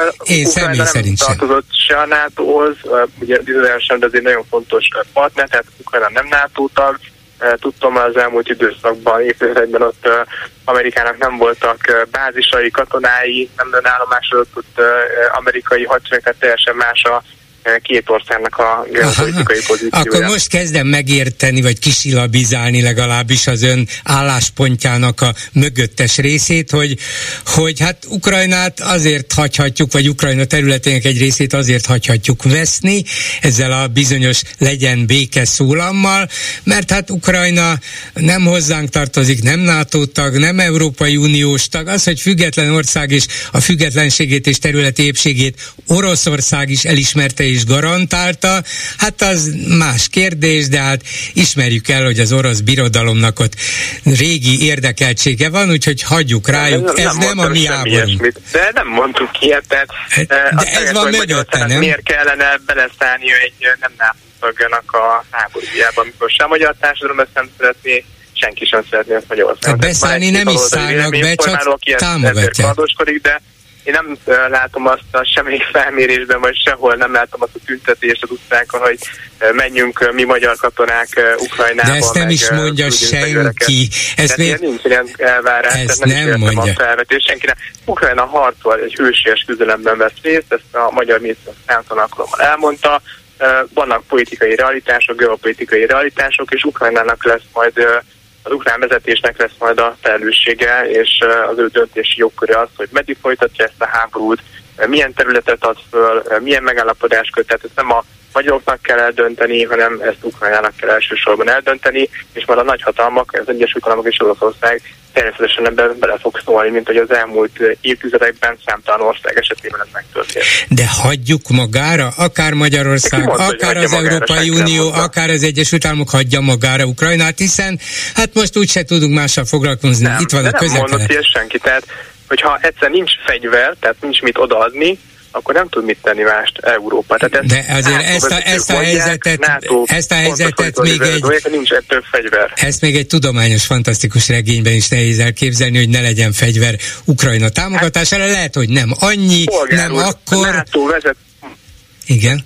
Folytánban a NATO uh, fegyverkészlete, és hogy egyes tagállamok már azért nem tudnak fegyvert küldeni, mert már saját védelmüket veszélyeztetnék, hogyha odaadnának több fegyvert. Ezt vezető NATO pozícióban lévő uh, szereplők mondják, és tagállami vezetők Na de itt van, itt van Magyarország, ahol fantasztikus fegyverkezési program zajlik, új lőszergyár létesül, új korszerű fegyvereket kezdünk gyártani, és biztos nem mi vagyunk az egyetlenek, vagyis Ukrajna nyilván számíthat az európaiak és az Egyesült Államok további támogatására, ha politikailag megvan hozzá az akarat.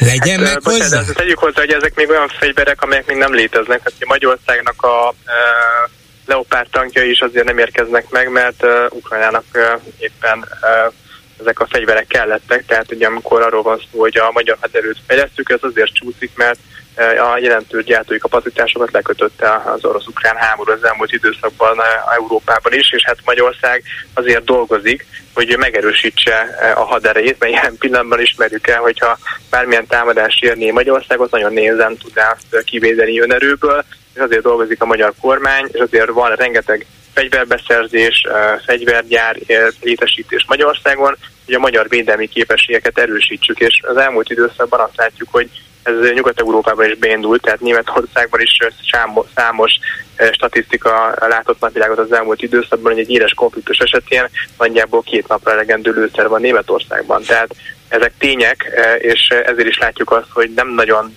jelentenek most már be nagy fegyverszállítmányokat, vagy lőszerszállítmányokat Ukrajna számára, mert egyszerűen elfogytak. Igen, de ha Magyarország kiáll nagyon helyesen Izrael mellett, Izrael biztonsága, területi integritása, védelme mellett, akkor miért nem tudja ezt megtenni ugyanígy Ukrajnával kapcsolatban is? Ukrajnával kapcsolatosan is, tehát területi integritás mellett kiállt a magyar kormány, Novák Katalin közös. Igen, Novák, Novák Katalin általában kiáll. Magyar, Gulyás Gergely minden kormányinfon ezt a 4 4 nél meg telefonálja megkapja ezt a kérdést, és minden egyes kormányinfon elmondja.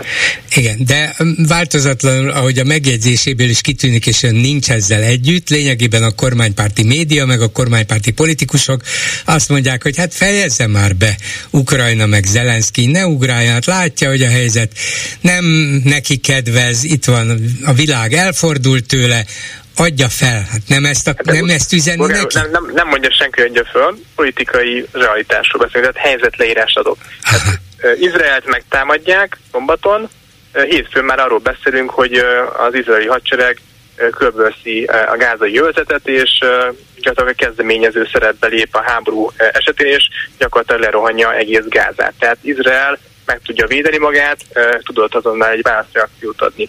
Ukrajna esetében ez a háború lassan már kettő éve tart, a frontvonalak befagytak, elképesztő emberáldozat van, az elmúlt hónapok, fél év során az ukrán ellentámadás gyakorlatilag pár kilométer, vagy egy-két falut mozdított el a frontvonalon, nem történt semmi. Tehát az első világháborúnak a helyzete látszódik ismét visszajönni az ukrán-orosz fronton. Értem ez egy teljesen más szituáció, teljesen más helyzet, teljesen másként viszonyul hozzá, mind akár a magyar kormány, mind a nemzetközi közvélemény.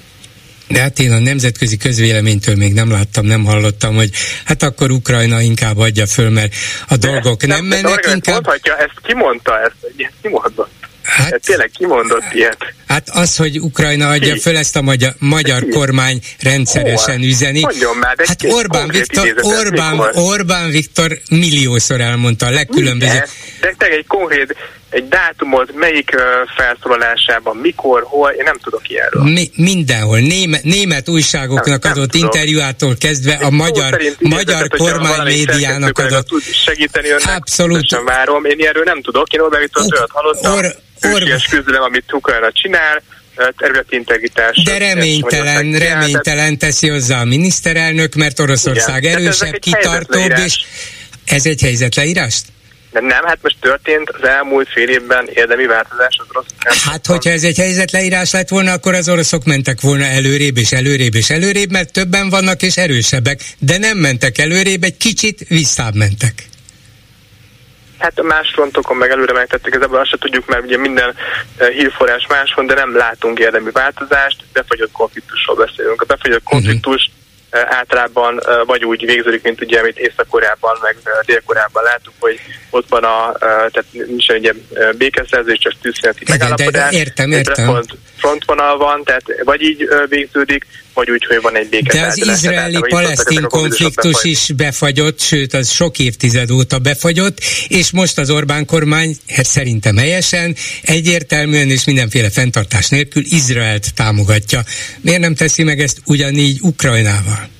Hát elmondhatom tízszer is, tehát uh, teljesen más a két helyzet. Tehát Izrael... Hát ez látjuk, például közvetlenül fenyeget magát. minket az ukrajnai háború. Napokon, az napokon közvetlenül belül, fenyeget bennünket. De minket hol fenyeget, vagy ki fenyeget? Úgy, hogy az az Oroszország, amelyiknek a csapatai 40 évig itt voltak Magyarországon, és egész Kelet-Európában, az az ország megint elkezdett terjeszkedni. Ez Magyarországot is, Kelet-Európát is, az egész NATO-t is fenyegeti. Ez ilyen egyszerű. Hát, tudtommal Magyarország a NATO-nak a tagja, látjuk, hogy Ettől Oroszország... még fenyegetheti. De mi, nem, mi, én nem láttam fenyegetés, hogy Magyarországot megfenyegettem volna bárki is.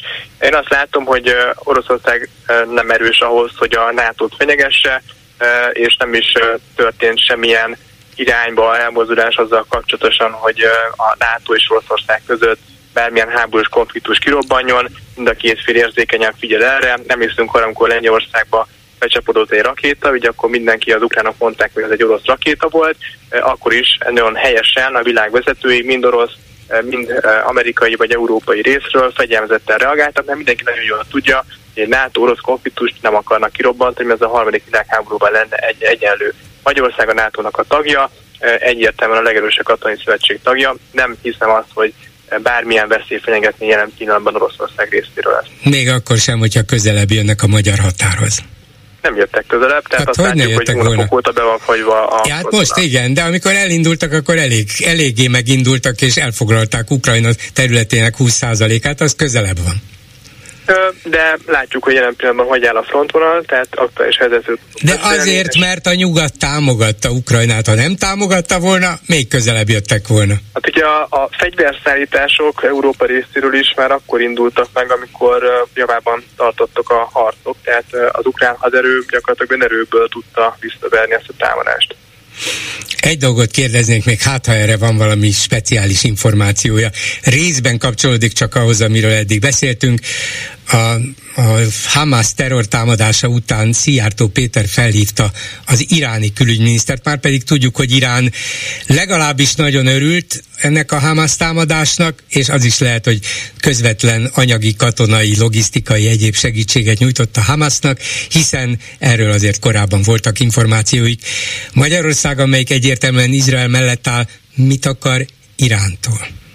Tehát ez egy jó pozíció, tehát ugye amit az orosz-ukrán háború kapcsán Spanyolország elfoglalt, az, hogy nem akar semmelyik szekértábornak a elzártságába betagozódni, hanem igenis fel akarja tartani a kapcsolatokat a világ minden táján. Tehát Magyarország most egy olyan pozíciót foglal el egyébként ebben a konfliktusban is, amit most tapasztalunk, hogy támogatjuk Izraelt, Izrael és jelenlegi izraeli vezetés egy fontos szövetségese, partner egyébként a jelenlegi magyar kormánynak, de ezzel párhuzamosan természetesen Izrael is fenntartja a kapcsolatot, fontos partnerként Ira, tekint egyébként. Iránnal, Iránt akart mondani most. Már meg Orbán Balázs is jó hosszú ideje, hogy nem szabad ugye konnektivitást megszakítani, mindenhol fenn kell tartani a kapcsolatokat, kommunikálni kell, mert hiszen ez mozdítja elő a békét. Tehát minden Há, mert, mert Magyarország magyar... fontos szereplő volna abban, hogy a, a palesztin terroristák fő támogatója, Irán, de bocsánat, fenntart... Iránnal, most jól tudom, Törökország is egyeztetett,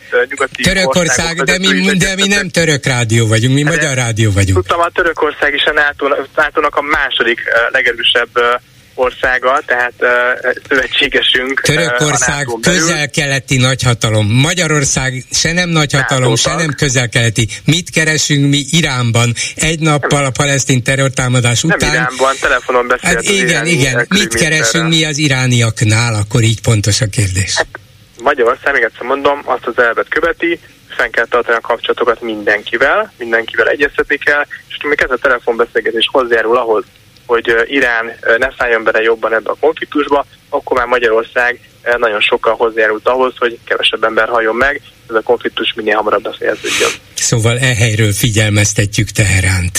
A Vatikán, bocsánat, csak a Vatikán, hát a Vatikán a legkisebb állam a világon, mégis nagyon komoly diplomáciai, politikai, vallási és egyéb Mert, mert több milliárd katolikus képviselője. Bocs, de, hát, de, de nincsen hadereje, nem népes ország, mégis komoly befolyásra rendelkezik, és Magyarország is egyébként ezeken a területeken fontos kapcsolatokkal rendelkezik, és az Európai Unión belül az arab világgal Magyarország az egyik legjobb kapcsolatot ápolja. Köszönöm szépen Deák Dánielnek, a 21. század intézet vezető elemzőjének. Viszont hallásra! Viszont hallásra! Háló, jó napot kívánok! Jó napot kívánok, Bolgár úr, üdvözlöm a hallgatókat. Én vagyok a vonalban. Igen, tessék, hallgatom. György vagyok Érsekújvárból, Szlovákiából. Az első fiatal emberhez szeretnék hozzászólni, úgy fel Szóval a vérnyomásomat úgy kiegyenlítette a fiatal ember, mert én éltem. Alacsony volt, értem. És szóval, hogy én értettem, amit ő mond, de miért aggódik ő azokért a dolgokért, amik még meg sem történtek? Hogy milyen, mennyi civil áldozat lesz a gázai övezetben, amikor Izraelben ott vannak a holtak, akiket megöltek, és nagyon csúnyán, nagyon kegyetlenül. El, el vagyok borzadva, hogy mi történt ott, és nem értem, hogy egyes emberek miért most aggódnak a gázai sáv miatt, hogy szóval nem tudom, Hát igen, e, e, én se látok bele a fejébe és a lelkébe. Elvileg lehet aggódni, és feltételezem, hogy még az izraeli vezetés is aggódik, hogy ne követeljen túl sok civil áldozatot az ő visszacsapásuk és beavatkozásuk, de innét Magyarországról most az legyen egy átlagember főgondja, hogy jaj, mi lesz majd a gázai civil palesztin lakossággal, valószínűleg hát, lehet, hogy a szimpátiája velük van, és kevésbé az Izraelben élő vagy már meghalt zsidókkal. Hát van ilyen, van, akit tudjuk, hogy egyik vagy másik nép iránt érez szimpátiát, vagy éppen gyűlöletet. Nem tudom, hogy az ő esetében van-e ilyen megfontolás. Mondom, a gondolkodás az, az helyes, előre gondolkodni is lehet, de ebben a helyzetben, ami most van, az embert érthetően magával sodorják azok az érzelmek, hogy látja ezt a szörnyűséget, és azt mondja, hogy hát ez, ez, ez nem maradhat megtorlás valamilyen büntetés nélkül, és nem azon gondolkodik, hogy jaj, nehogy, nehogy véletlenül megtorolják. Igen, igen, nekem is ez a véleményem, hogy a én mondom, éltem ott hat évet, és az egyszerű embereknek is olyan a gondolkozása, hát nyilván nem voltam kapcsolatban szélsőséges zsidó szervezetekkel, de az egyszerű halandó emberekkel, és mindig azt mondták, hogy hogy úgy kell csinálni, hogy, hogy az ártatlan arabokat, palesztinokat, hogy ne érje, ne érje bántódást. Csak hát igen, az van, hogy háborúban sajnos Hát igen, és főleg ebben a háborúban aztán tényleg nagyon nehéz úgy visszacsapni, hogy a, a civileket ne érje semmilyen bántódás, de biztos, hogy nem ez a cél. Nem őket akarják megbüntetni, nem, hanem, nem, hanem az ő szélsőséges vezetőiket. Igen. Igen, és esetleg bolgár úr, ön hallott arról, hogy erről a iráni telefonbeszélgetés Szijjártó ad, adta ki valami hivatalos közleményt, hogy ennek igen, a Szijjártó számolt be erről, és valamilyen hát közlemény félét, most, hogy ez az ő szavai, de hát nyilvánvalóan nem, nem a tehát nem egyszerűen csak ő fogalmazta meg, hanem, hanem ezt a hivatala vagy a minisztériuma, az is lehet, hogy az Orbán féle vagy a Rogán féle miniszterelnök, vagy minisztérium, de idézem is, hogy ne csak a levegőbe beszéljek, azt mondja, vagy ezt idézte Szijjártó, amikor beszámolt erről a telefonbeszélgetésről, hogy megerősítettem kollégámnak, hogy mi a terrorizmust határozottan elítéljük. Ez akár úgy is értelmezhető, mondom én, mint hogyha figyelmeztette volna az iráni külügyminisztert, hogy ennyi, ennyi, nehogy véletlenül ezeket a terroristákat támogassátok, zárójel bezárva, tehát elítéljük. És nem szeretnénk, ha tovább súlyosbodna a helyzet a közel-keleten. Ezt is lehet pozitívumként felfogni, hogy ne adjon mondjuk Irán további támogatást a Hamasnak. Elmondtam azt is, hogy a háborús helyzet eszkalációját meg kell akadályozni, és kifejeztem reményemet, hogy minden ország felelősségteljes viselkedést fog mutatni a következő napokban. Tehát ez az idézett két mondat, amit közzétett Szijjártó, ez úgy hangzik, mintha hát kvázi figyelmeztetné az iráni kollégáját, hogy mi tudjuk, hogy ti nagyon jóban vagytok a Hamásszal, de ne tegyetek rá még egy lapáttal, mert különben, mert különben meggyűlik velünk a bajotok. Igen, nem, igen. nem értem, mert ugye Magyarország ebben a játszmában nem szereplő. Irán nyilvánvalóan tesz magasan arra, hogy mit mond Magyarország, egy kis igen, Európai Uniós és NATO ország ebben az ügyben. Ha tehát Szijjártó esetleg valakinek, egy nagyobb hatalomnak a megbízásából beszélt és hívta föl az iráni külügyminisztert, akkor azt mondom, hogy hát furcsa, de hát ha van benne valami ráció.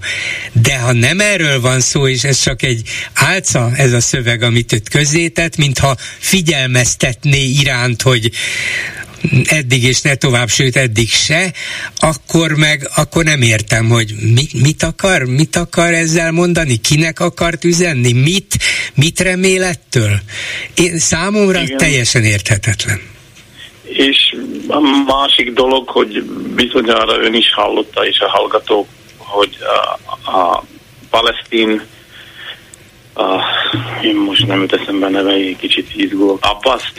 Abba, igen. A, a igen, Moszkvába utazott. Cisziordánia vezető, igen.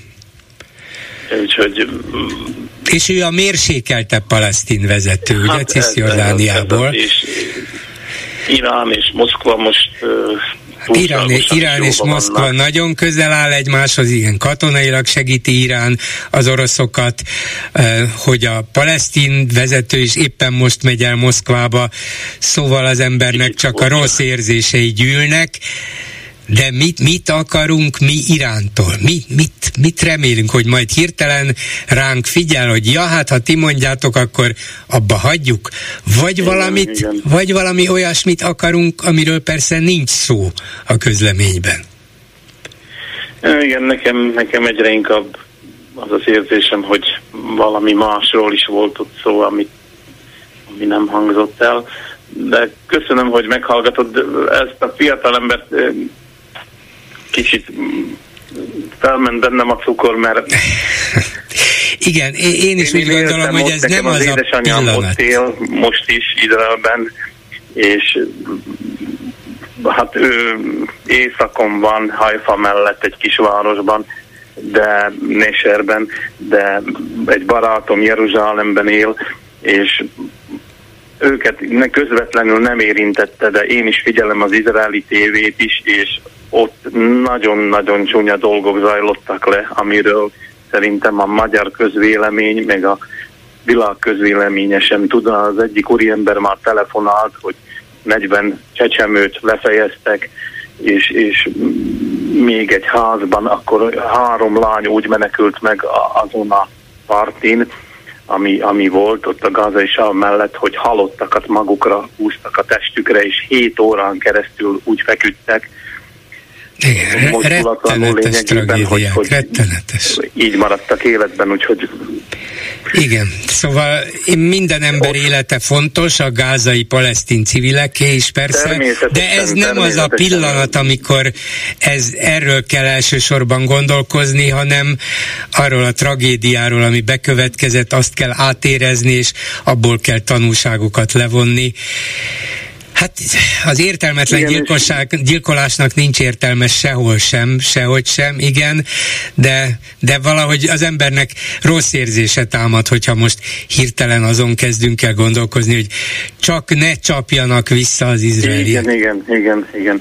És ha még megenged egy, egy gondolatot, én a nyugat-európai vezetők fejében is, szóval helyükben elgondolkodnék azon, hogy mennyi palesztin, vagy szóval nem muszáj, hogy palesztinok legyenek, de szélsőséges kimonult, akik éltették ezt a gyilkolást, ami ott folyt, és hogy szóval, hogy azért ezek az emberek lehet, hogy már másod vagy harmad generációs német, francia, nem tudom milyen állampolgárok, de hogy ennyire szélsőségesek, és hogy itt vannak Európában, ez, ez nem csak a zsidókra jelent veszélyt szerintem, hanem akik ateisták, szóval akik nem az ő hitük szerint élnének, azokra mindenkire. Hát igen, a, a békés demokratikus és életre is veszélyt igen, jelentenek, ezt, ezt ha ennyire dicsőítik mondani. az erőszakot, igen. és élnek a demokratikus lehetőségekkel, hogy kimehetünk és éltethetjük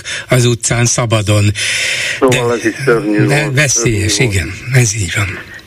Köszönöm szépen, minden jót kívánok. Köszönöm, hogy meghallgatott. Viszont hallásra. Van telefonáló a vonalban, de itt van Lőrinc Saba is a Facebook kommentekkel, úgyhogy kérem a türelmét. Szia Gyuri, köszöntöm a hallgatókat. Rögtön az első komment téged szólít meg. Bolgár úr milyen szépen kikéri a Fidesz az ön véleményét a háborúk ügyében. Csak aztán ugyanazt kezdi vele, mint a miénkkel.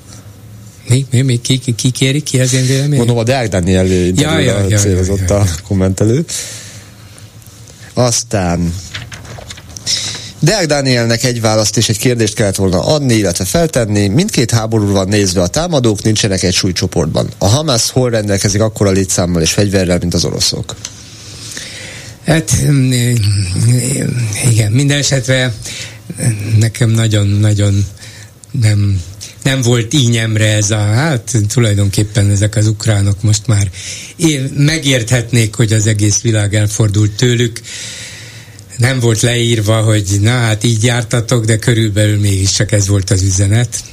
Hát az, ez nagyon szép, hogy emberek... De szerintem próbál... nem így jártak. Nem, nem, nem. Ez csak egy, ez csak egy fajta, szerintem téves interpretáció. Meg a térképek sem ezt bizonyítják, tehát valóban felemáson alakulnak a különböző területeken a, a, az eredmények valahol az oroszok tudnak valamelyest előre törni, és valahol nagyon-nagyon kínkeservesen az ukránok nagyon sok minden lassítja őket, az aknatelepek, minden.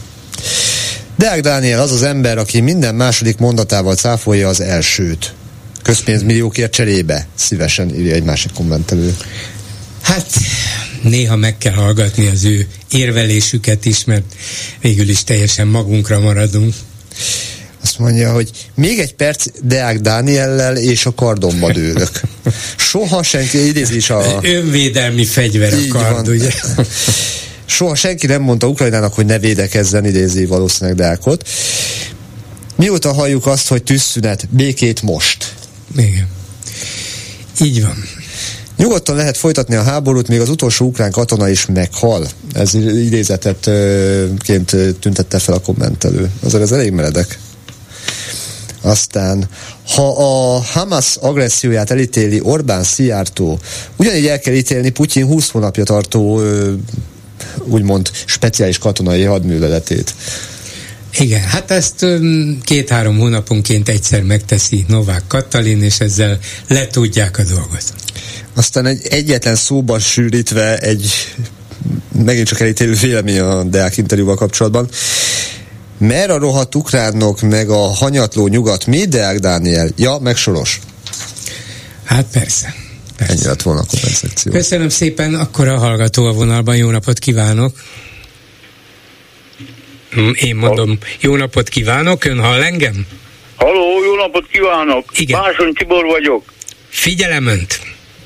Ő, nagyon köszönöm, és nem akarom, hogy hosszúra nyúljon a dolog, de Először azért, hogy fényezzem magamat, is régi ezer éves hallgatója vagyok, amióta ön úgy körülbelül szerepel. Na, nem ez a lényeg. Az a lényeg, hogy az ez a Deák Dániel ö, interjú, ez, ez, ez valahogy annyira kivette nálam a biztosítékot, hogy két ö, nyugtatót be kellett vennem, és hozzá, hozzáteszem, hogy én még életemben nem telefonáltam be. Úgyhogy nézze el, Na, hogy na látja, legalább ennyi értelme volt a dolognak, hogy új betelefonálónk van. Úgyhogy Igen. hallgatom tovább. Nézze el, hogy egy kicsit ingerült vagyok, és még nem hatott a gyógyszer nagyon.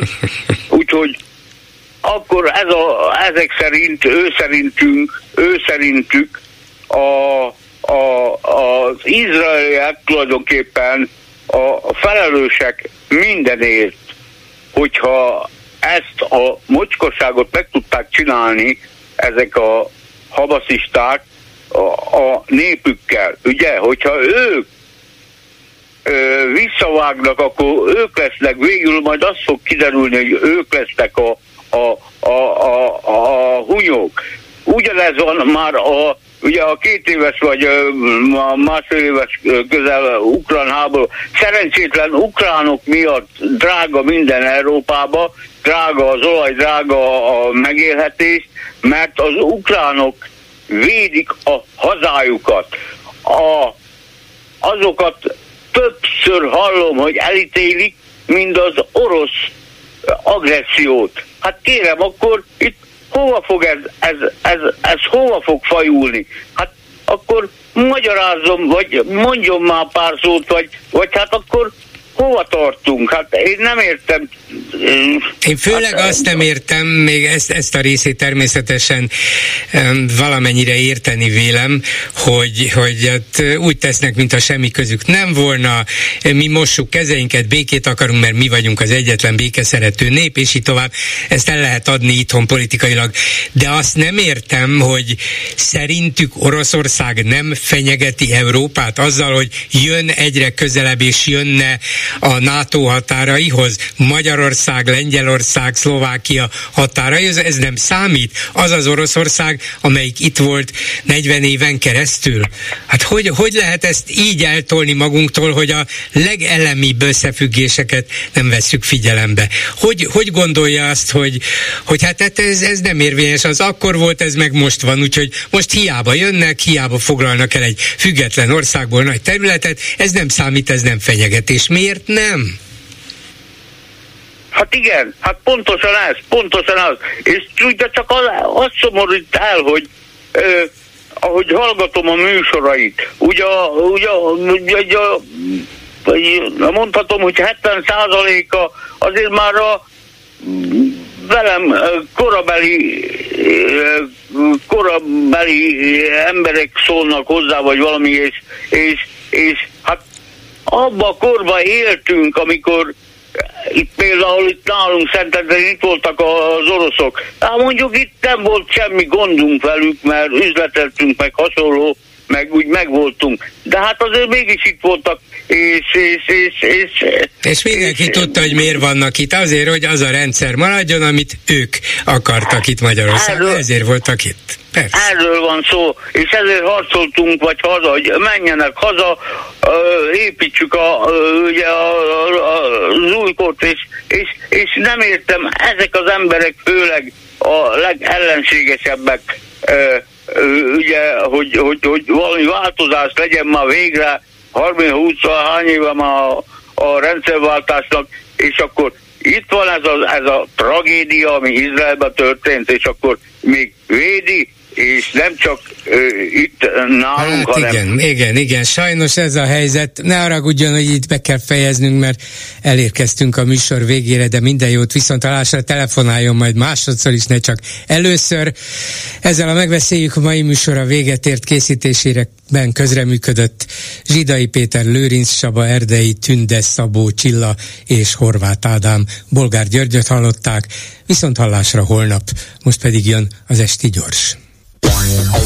Esti gyors, a hírek háttere. Jó estét kívánok, Szénási Sándor vagyok. Egy hír és a háttere.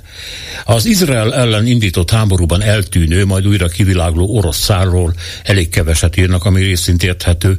Nem sok tudható Moszkva szerepéről, viszont, ahogy mondani szokás, a lábnyomát sem nehéz fölismerni. Annyi biztos, hogy Izrael már 2018-ban tiltakozott Moszkvának a Hamasszal kialakított kapcsolatai, és konkrétan amiatt, hogy Lavrov külügyminiszter a terrorszervezet vezetőivel találkozott, de ez semmiben nem befolyásolta az oroszokat. A következő évben tárgyalóasztalhoz ültették a rivális Fatah vezetőit a Hamas irányítóival egy egységes palesztin front kialakítása érdekében. 2020-ban a mai Hamas vezető elődjével, Khaled Masallal tárgyalt Lavrov, 2022. szeptemberében pedig a mai főnökkel, Ismail Haniyával, a szervezet politikai bizottságának vezetőjével, de ott volt a helyettese Saleh al-Aruri is, illetve Musa Marzuk és Maher Salah, a politikai szárny két meghatározó személye. A legutolsó találkozásra pedig idén márciusban került sor. Ennyi randi már tartós, mély viszonyt és komoly befolyásolást jelent. Nem lehet véletlen, hogy a Hamas szóvivője szerint a találkozókra általában Moszkva kérésére kerítettek sort, és nem csak akkor, amikor az orosz agressziót elítélő Tel Aviv és Moszkva viszonya feszült lett. Az oroszok eleinte a palesztinok és Izrael közötti béketeremtő szerepét osztották magukra, de ezt ugyebár Ukrajna lerohanása enyhén szólva is hiteltelenítette. Ezért öltözött át Moszkva a palesztin összefogás békekovácsának kötényébe. De ebben sem volt más, mint az orosz jelenlét erősítésének a vágya akkor, amikor az USA kiszorulni látszott a térségből. Ezt fejelte meg az ukrajnai háború. Az orosz lábnyom abból is kivehető, ahogy Moszkva terelni igyekszik Washingtont vissza, az általa árván hagyott közel-kelet felé, persze azért, hogy Ukrajnára kevesebb figyelem és pénz jusson.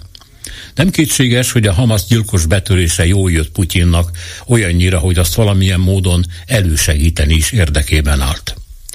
Persze könnyű elbújni Irán konkrét és látható katonai támogatása mögött, amit a State Department jelentése évente 100 millió dollárra taksál. Teherán ennyit költ a Hamason kívül a palesztin iszlám dzsihádra vagy a palesztina felszabadítása népi frontra. Irán 2006 óta ad át a Hamasnak és a Hezbollahnak is rakéta no t Az iszlám forradalmi gárda parancsok erről azt mondta, ahelyett, hogy halat adnánk neki, vagy megtanítanánk őket halászni, megtanítjuk őket horgot készíteni, vagyis technológiát adunk át. Gázában tehát egy idő után nem csak az egyre nehezebben becsempészett iráni modern rakéták és drónok találnak gazdára, de a terrorszervezet maga is gyártja őket.